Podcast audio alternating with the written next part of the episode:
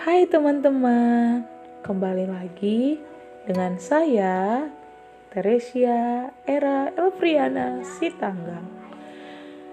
Kali ini Era mau cerita tentang disakiti, dikecewakan, dihianati, dibenci, dikucilkan, disingkirkan, atau bahkan dijauhi kayak gitu.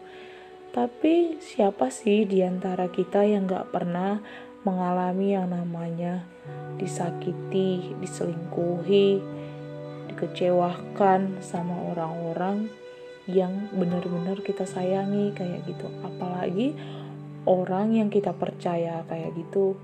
Tapi teman-teman, mungkin itu sakit ya pada saat kita ada di posisi itu ngerasa kok begini kayak gitu. Kok dia ngelakuin ini ya? Kok dia begitu? Kok dia begini? Pokoknya selalu ada pertanyaan yang kok kok begini begini begono kayak gitu kan.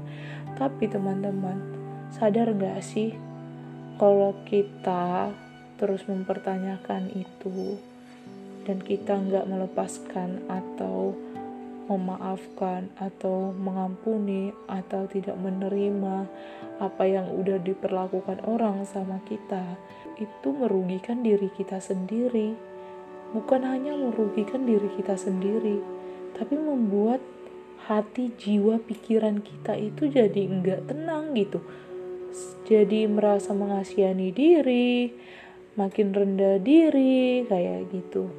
Nah, ini yang membuat kita itu jadi kurang berharga dan kurang menyayangi diri kita sendiri.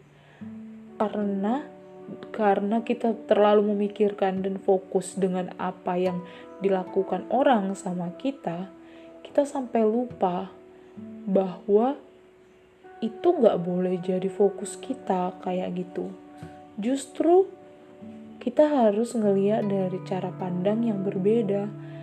Ya emang gak mudah sih untuk memaafkan, untuk mengampuni kayak gitu. Tapi lebih baik kita terima aja apa yang mereka perbuat sama kita dan kita bilang sama diri kita terima kasih kayak gitu terima kasih kamu sudah kuat sampai pada saat ini kayak gitu terima kasih kayak gitu buat orang-orang yang telah menyakiti. Sebut aja namanya gitu. Terus kita bilang saya mengampuni si A yang telah menyakiti saya. Semoga di kehidupan yang akan datang atau di lingkungan dia di mana pun dia berada si A tidak memperlakukan orang lain lagi seperti itu kayak gitu. Kita doakan yang terbaik buat orang-orang yang menyakiti kita. Kita lepaskan maaf kita lepaskan pengampunan. Nah dari situ kita akan menyembuhkan menyembuhkan luka hati kita, menyembuhkan keadaan kita pribadi, kita menyembuhkan diri kita sendiri kayak gitu.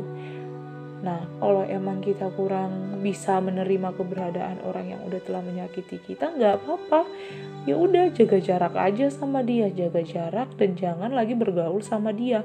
Karena diri kita yang mengizinkan kita disakiti, diri kita juga yang bisa memilih siapa yang berhak untuk menyakiti kita, siapa yang berhak untuk datang di dalam kehidupan kita.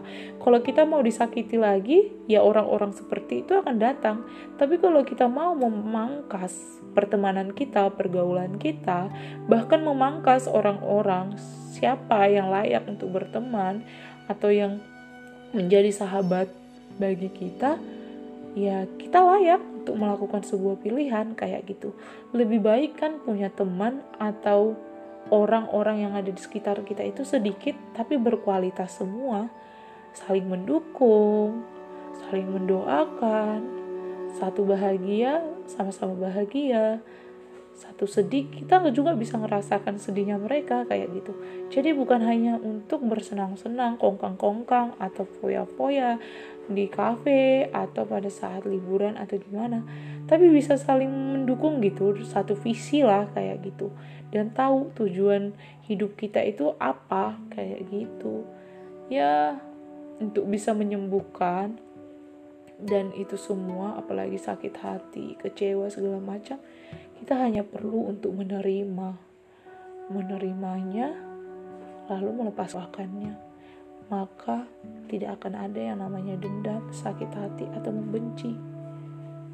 Ya, untuk hari ini itu dulu buat teman-teman yang disakiti, diselingkuhi, atau apa pun itu. Doakan mereka, lepaskan maaf sama mereka. Mungkin tidak mudah, tapi ingatlah, proses ini hanya untuk mendewasakan kamu dan menjadi pelajaran berharga buatmu ke depannya agar lebih waspada lagi dan lebih menghargai bahwa hidup kamu itu sempurna, berharga. Tanpa orang-orang begini kamu bisa dikelilingi orang-orang yang penuh syukur, orang-orang yang penuh kualitas dan orang-orang yang bisa sama-sama maju berjalan sama-sama dan penuh kebahagiaan. Itu kan yang mau kita cari. Nah pangkas orang-orang yang punya pergaulan buruk sifat buruk pangkas aja satu persatu kamu akan ketemu sama orang-orang yang wataknya karakternya itu baik kayak gitu dan sesuai dengan apa yang kamu harapkan namun jangan lupa memperbaiki diri sendiri dan percayalah, orang-orang yang menyakiti adalah orang-orang yang belum sembuh dari luka batinnya atau luka-luka masa lalunya. Semangat buat kamu. Kalau kamu disakiti orang lain, jangan sampai kamu menyakiti orang lain.